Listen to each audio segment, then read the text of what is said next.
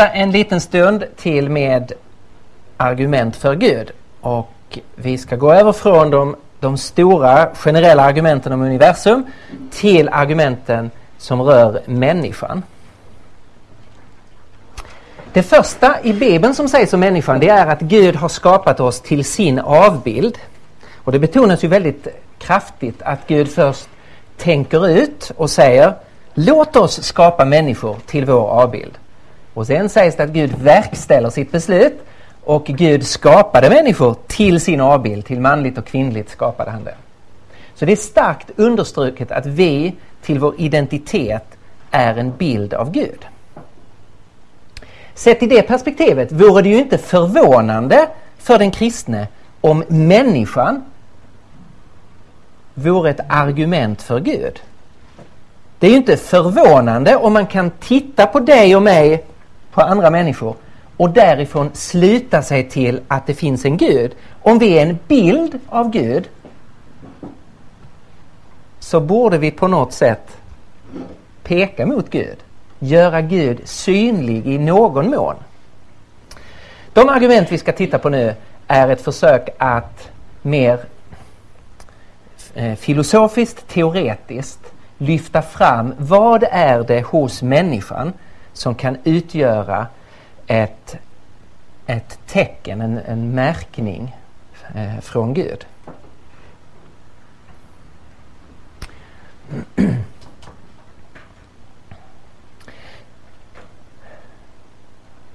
Det är grundläggande för oss människor att vi har ett jag. Att vi är en person, inte ett ting. Att vi är ett jag, inte ett det.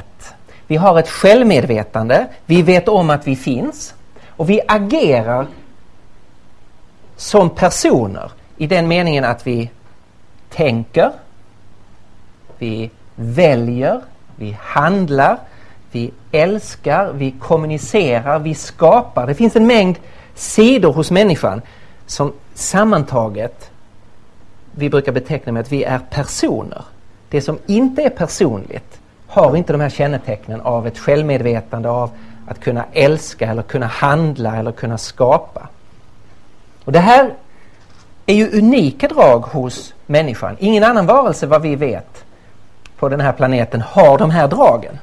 Några av djuren kan ha egenskaper som närmar sig på några punkter det vi finner hos människan.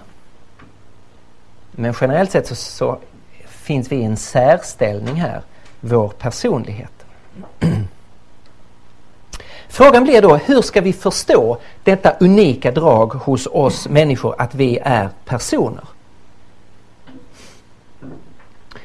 Om man försöker förstå människan utan referens till Gud, vad händer då? Ja, då får vi en situation där vi då finns som personer och så ska vi försöka förstå vår personlighet. Då måste den förstås enbart utifrån referens till naturen. För det är i så fall det enda som finns. Och det man får göra det är i så fall att man får försöka gå tillbaka i historien och fundera på var kommer vi ifrån?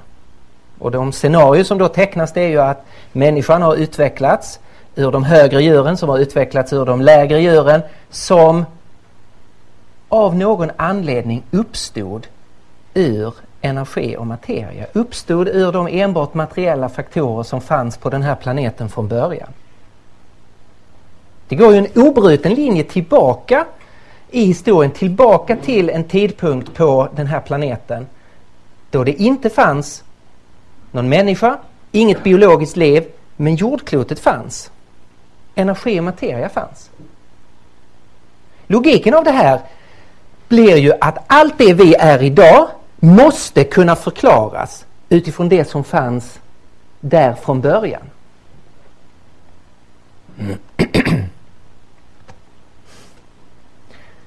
Det får väldigt stora konsekvenser om man tänker så. Det innebär ju att det som vi kallar vår personlighet inte kan vara något annat än det opersonliga i ovanligt komplex form. Det är ingenting annat än den energi och materia som fanns från början och den har bara organiserat sig på lite nytt sätt. I grunden måste min och din personlighet förstås som det opersonliga i ovanligt komplex form. Vi blir i slutändan en funktion av energi och materia enbart. Vi blir, om vi citerar Feuerbachs cyniska uttryck, människan är vad hon äter. Det är ju ett annat sätt att säga att människan är enbart en materiell varelse. Om det är så att vi är enbart materiella varelser så vet vi en del om hur materien fungerar. Hur fungerar materia? Den fungerar lagbundet. Den följer sin inneboende struktur. Syre kan inte en dag säga till väte, jag vill inte reagera på det idag. Kom tillbaka imorgon. Det är en helt irrelevant frågeställning. I naturen så sker det som måste ske. Om människan restlöst är ett stycke natur så finns det inte någon grund för frihet eller ansvar. Och allt det vi kallar för människans personlighet kommer att bli en, en, en illusion. Någonting som inte egentligen finns. Om vi försöker förstå människan utan Gud kommer vi att hamna i en våldsam reduktionism. Vi tvingas reducera människan till energi och materia. Och följden av det blir att vi inte har någon grund för människan som en fri, agerande varelse.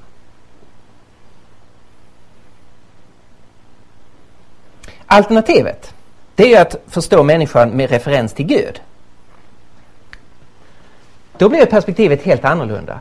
Om vi då går tillbaka i historien så kan vi gå bortom detta universum tillbaka till en punkt då det finns en personlig Gud. Då alla de egenskaper vi förknippar med människan finns på ett fullkomligt sätt i det som är alltings startpunkt, en personlig Gud. Han älskar och tänker, han är medveten om sin existens, han agerar och handlar, han skapar, han kommunicerar. Han är en personlig Gud. Han har valt att skapa en materiell värld med biologiskt liv och så har han valt att skapa en varelse som delar många egenskaper med den materiella världen men som samtidigt har fått vissa unika egenskaper genom att den varelsen är Guds avbild. Här får vi ett perspektiv där det personliga är en evig kvalitet, är någonting i sig självt. Nämligen i Gud. Och sen har Gud valt att låta en varelse få utgöra en reflex av vem Gud är i sig själv. Gud är en personlig Gud. Människan blir skapad till hans avbild.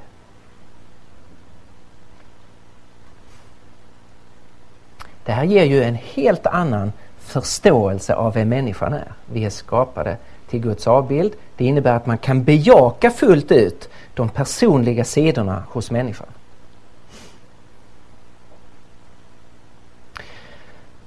När man tittar på det alternativet så uppstår ju förstås direkt en frågeställning. Det är sin sak att titta på de här positiva sidorna hos människan, vår förmåga att älska och tänka och handla. Men människan är ju också full av ondska och själviskhet, av trasighet. Blir inte det problematiskt om vi ska förklara människan utifrån Gud? Jo, det blir verkligen en frågeställning.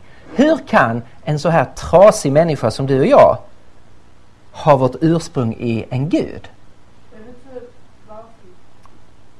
En ödelagd, en söndrig människa.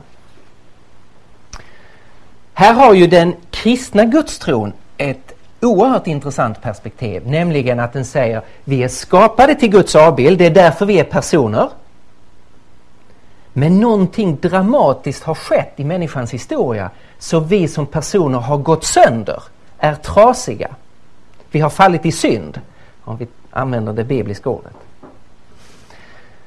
Jag återkommer ofta, ofta till Francis Schaeffers uttryck att människan är a glorious ruin. Om man har stått framför en eh, stor ruin som Hammershus på Bornholm eller kanske ännu större ruiner så kan man, kan man ju fortfarande, jag vet inte om ni varit på Borgholms slottsruin. Det är en ganska mäktig ruin på Öland. Då kan man fortfarande se slottets storhet, väldigheten, prakten, äran som har funnits där. Och man kan känna, eh, man kan bli eh, fascinerad, man kan häpna över, över det. Och samtidigt är det en ruin. Det är sönder, det är trasigt, eh, det är tomt, det är ödelagt, det är ruttet på många ställen. Och det är en mix av underbar och förfärlig. Och det är bilden som vi möter i den kristna gudstron, i det bibliska budskapet om människan. Människan som är glorious ruin. Det här tycker jag själv är ett väldigt starkt apologetiskt argument. Den bibliska beskrivningen av människan passar så oerhört väl in i hur jag upplever mig själv och hur jag upplever er som just glorious ruin. Någonting fantastiskt som samtidigt är djupt ödelagt. Eh, en första sida när det gäller eh, människan. Hur kan vi förklara människans personlighet? Om vi blir mer detaljerade. En specifik aspekt av vår personlighet, detta att vi är personer, det är att vi är moraliska varelser. Det moraliska argumentet spelar en väldigt stor roll i diskussionen om Gud och har gjort under lång, lång tid. En av de som har formulerat det mest suggestivt är förstås C.S. Lewis. Både i eh, Kan man vara kristen, Mere Christianity och i eh, eh, eh Miracles.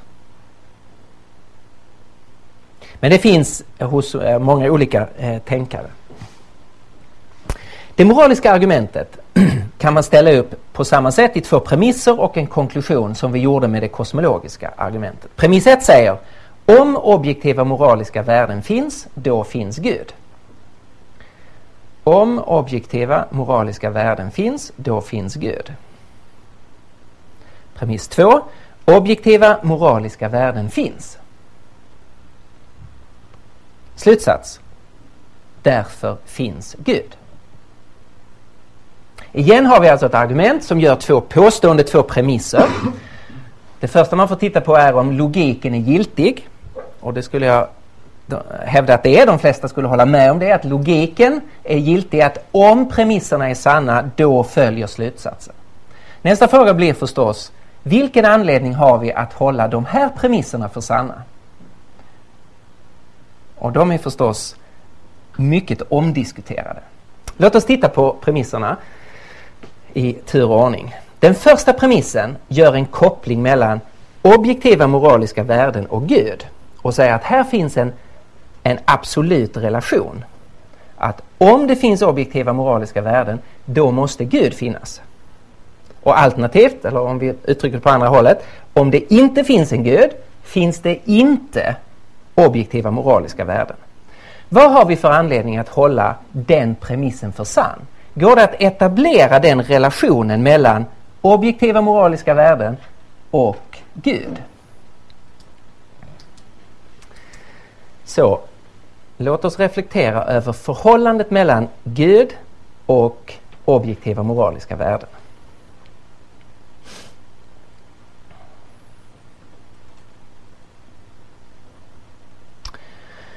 Generellt sett, om vi skulle räkna bort Gud ur bilden och göra likadant som vi gjorde tidigare, att vi tänker det finns ingen Gud, så finns vi här som moraliska varelser. Och så funderar vi på hur ska vi förstå moralen? Kan det finnas objektiv, objektiva moraliska värden? Om vi då gör en tankeresa tillbaka i historien, reser vi tillbaka till tiden innan det fanns människor, tillbaka till tiden innan det fanns biologiskt liv, då finns världen. Men då hamnar vi i en situation där vi inte kan använda moraliska kategorier. Man kan inte säga gott och ont om en livlös planet. Eller hur?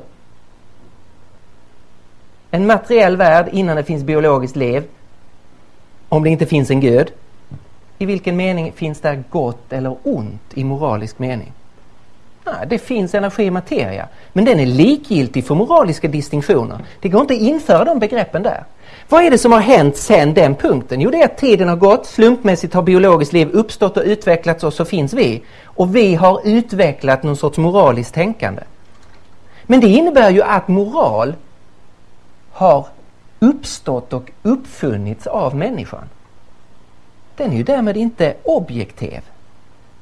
Den har ju konstruerats av människan och kan därför dekonstrueras och omkonstrueras. Det finns ju ingen möjlighet att hävda att den skulle vara objektiv, förpliktigande. Att den skulle gå bortom mig som individ eller oss som kollektiv. Den blir ju helt beroende av oss.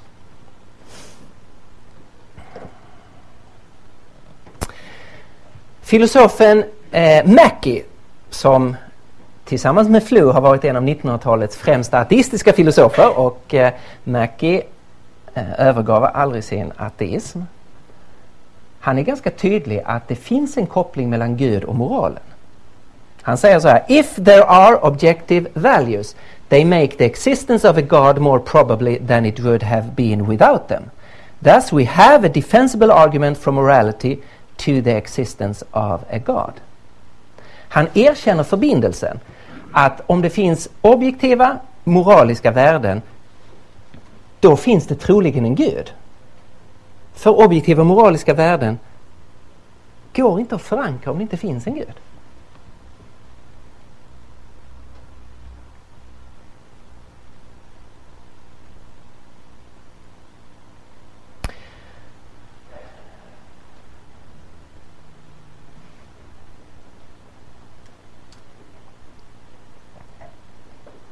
Så här säger Jean-Paul eh, Jean-Paul Sartre som också väldigt tydligt erkänner kopplingen mellan Gud och moraliska värden. Vilket innebär ingen Gud, inga moraliska absoluta värden. Om jag avskaffat Gud fader måste det finnas någon som uppfinner värdena. Om Gud inte existerar är människan följaktligen övergiven eftersom hon varken utom sig eller inom sig har någon tillgång till stöd och hjälp. Varje värderingssystem som inte uttryckligen visar hur omöjligt det är att idag ha någon grundval för etik bidrar till människans mystifiering och främlingskap. Det moraliska problemet uppstår ur det faktum att moral både är omöjligt, för det finns ingen Gud, och oundvikligt för människan. Problemet är alltså, eftersom Gud inte finns, finns det ingen grund för moral. Men vi måste fortsätta att agera som om moral fanns. Det är det moraliska problemet enligt Sartre. Den första premissen håller många eh, filosofer med om. Det finns en koppling mellan Gud och moral. Finns det ingen, ingen Gud finns det ingen absolut moral. Den andra premissen den hävdar en koppling mellan verkligheten och moral och den påstår då objektiva moraliska värden finns. Det är en mer ifrågasatt premiss. finns det verkligen objektiva värden.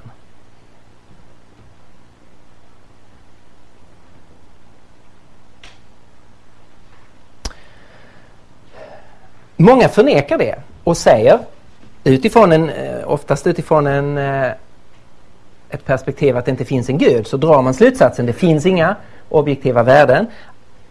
Eh, alltså är alla våra värderingar de är bara sociala konstruktioner, kulturellt eh, betingade. Samtidigt om vi analyserar hur vi agerar så verkar moralen vara väldigt djupt förankrad hos oss och vi tillämpar den som om den vore absolut. Om vi lyssnar på moraliska disk eh, diskussioner i till exempel internationella frågor så diskuterar vi i rätt eller fel. Är det rätt av en viss stat att göra så? Eller är det fel? I FN fördömer man handlingar som om det fanns någon sorts normerande system, någon sorts allomfattande moral. Om vi funderar på hur vi själva agerar så är det väldigt svårt att komma från det här att vi verkar i praktiken räkna med att det finns objektiva moraliska värden. Låt mig ta ett eh, intressant exempel. Martin Heidegger, existentialistisk filosof, under andra världskriget djupt imponerad av Adolf Hitler. Och han kunde före världskrigets slut säga som här om Hitler. He alone is the German reality of today and of the future and of its law. Hitler alone is the German reality and he is the law. Alltså, han har rätt att stifta lagar. Det här innebär ju en relativisering av moralen. Det finns ingen absolut moral som Hitler är underställd och bör förverkliga. Utan Hitler är framtiden också för dess lagar. Efter kriget, när nazisterna hade förlorat och fransmännen konfiskerade en del av Heideggers egendom. Då sa han What justice there is in treating me in this unheard of way is inconceivable to me. Nu plötsligt är det inte så att fransmännen får lov att stifta vilka lagar de vill och konfiskera vilken egendom de vill och behandla människor hur de vill som om de satte lagarna. Utan här finns en appeal till rättvisan som en överordnad kategori som fransmännen bör agera utifrån. Den här situationen dyker upp igen och igen i den moraliska diskussionen att människor på det teoretiska planet försöker förneka kopplingen mellan verkligheten och absoluta värderingar och säga nej men det finns inte. Och sen i ett konkret situation när det handlar om gott och ont och man själv är i skottgluggen. Då hävdar man plötsligt absoluta värderingar. Jag har varit i massor med diskussioner med svenska studenter som har sagt det finns inte gott och ont. Det är bara vi människor som konstruerar det. Och det går väldigt enkelt att säga en kväll på ett universitet när man har en intensiv diskussion om livsåskådning. Men då brukar min respons vara Det är enkelt att säga det men är du beredd att följa med mig till Bosnien eller Kosovo så kan vi besöka de byarna som blev etniskt rensade där männen fördes bort och avrättades, där kvinnorna våldtog och till de överlevande. Skulle du inte kunna ta med dig de här nyheterna?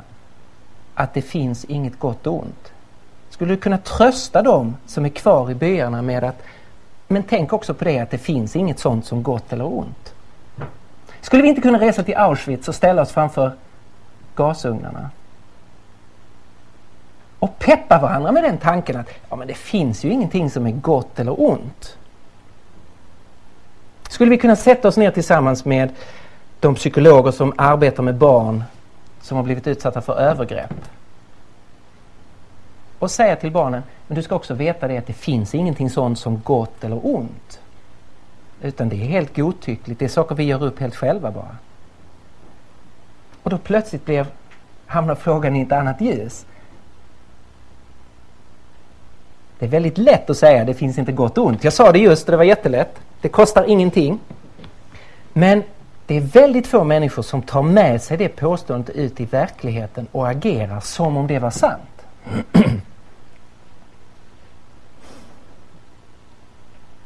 Notera det som vi diskuterar när vi diskuterar frågan om moral.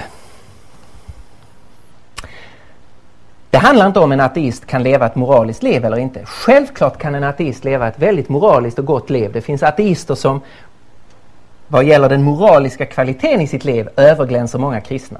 Det är inte det frågan gäller. En ateist kan leva ett moraliskt liv.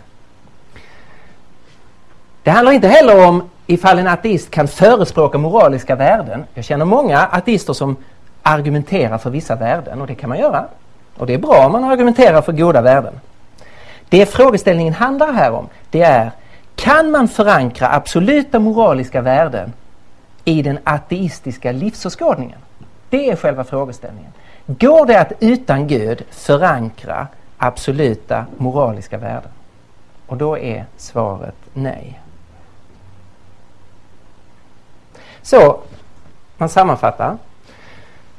Som jag ser det finns det många fler skäl att hålla de här två premisserna för sanna än det finns för alternativen. Alltså att det finns ett samband mellan Gud och absoluta värden. Om objektiva moraliska värden finns, då finns Gud. Och för det andra, att objektiva moraliska värden verkligen finns. Att det är ett fakta om världen att det finns värden. Om det är riktigt så är vi berättigade att dra slutsatsen därför finns det en Gud.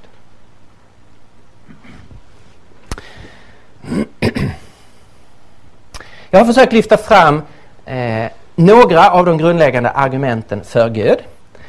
Det är argument som i allra högsta grad behövs i vår tid eftersom vår tid är så djupt präglad av naturalismen. Jag tycker mycket om ett citat från en av Gresham eh, Machens böcker, Christianity in Culture, där han talar om behovet av att utmana vår kultur på de stora frågorna. Han säger så här. False ideas are the greatest obstacles to the reception of the gospel. We may preach with all the fervor of a reformer and yet succeed only in, in winning a straggler here and there. If we permit the whole collective thought of the nation or of the world to be controlled by ideas which, by the resistless force of logic, prevent Christianity from being regarded as anything more than a harmless delusion. What is today a matter of academic speculation begins tomorrow to move armies and pull down empires. In that second stage, it has gone too far to be combated. The time to stop it was when it was still a matter of impassionate debate. So, as Christians, we should try to mold the thought of the world in such a way as to make the acceptance of Christianity something more than a logical absurdity. Vi befinner oss väldigt mycket i en kultur där vi har låtit hela det kollektiva medvetandet bli färgat av ateismen.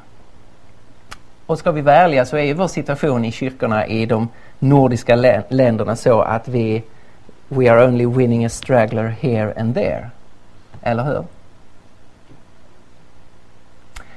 Eh, vi behöver vara med och fortsätta förkunna evangeliet men också samtidigt att försöka göra inbrytningar i hela det kollektiva perspektivet som präglar vår kultur. Och där handlar det i väldigt hög grad om frågan om naturalism eller gudstro. Om denna världen är allt som finns och allt ska förklaras utifrån den världen, denna världen. Eller om det finns en personlig Gud som är ursprunget till den här världen och är den yttersta förklaringen till människan och till de moraliska värdena. Eh, låt mig sluta med två citat av eh, Os Guinness. Så här skriver Os Guinness i relation till postmodernism och misstänksamheten mot sanning som har präglat det postmoderna. We must remember that over the course of history appreciation of truth has generally prevailed over advocacy of skepticism. Although truth and skepticism have always been in tension, today's esteem of skepticism over truth is not the normal situation. We may confidently expect appreciation for truth to prevail again. Så en uppmuntran att sanningsfrågan kan man inte långsiktigt undfly eller komma undan. Och till sist, ur Oskines bok Time for Truth. The Christian faith is not true because it works. It works because it is true. It is not true because we experience it. We experience it deeply and gloriously because it is true. It is not simply true for us. It is true for any who seek in order to find, because truth is true even if nobody believes it, and falsehood is false even if everybody believes it. That is why truth does not yield to opinion, fashion, numbers, office, or sincerity. It is simply true, and that is the end of it.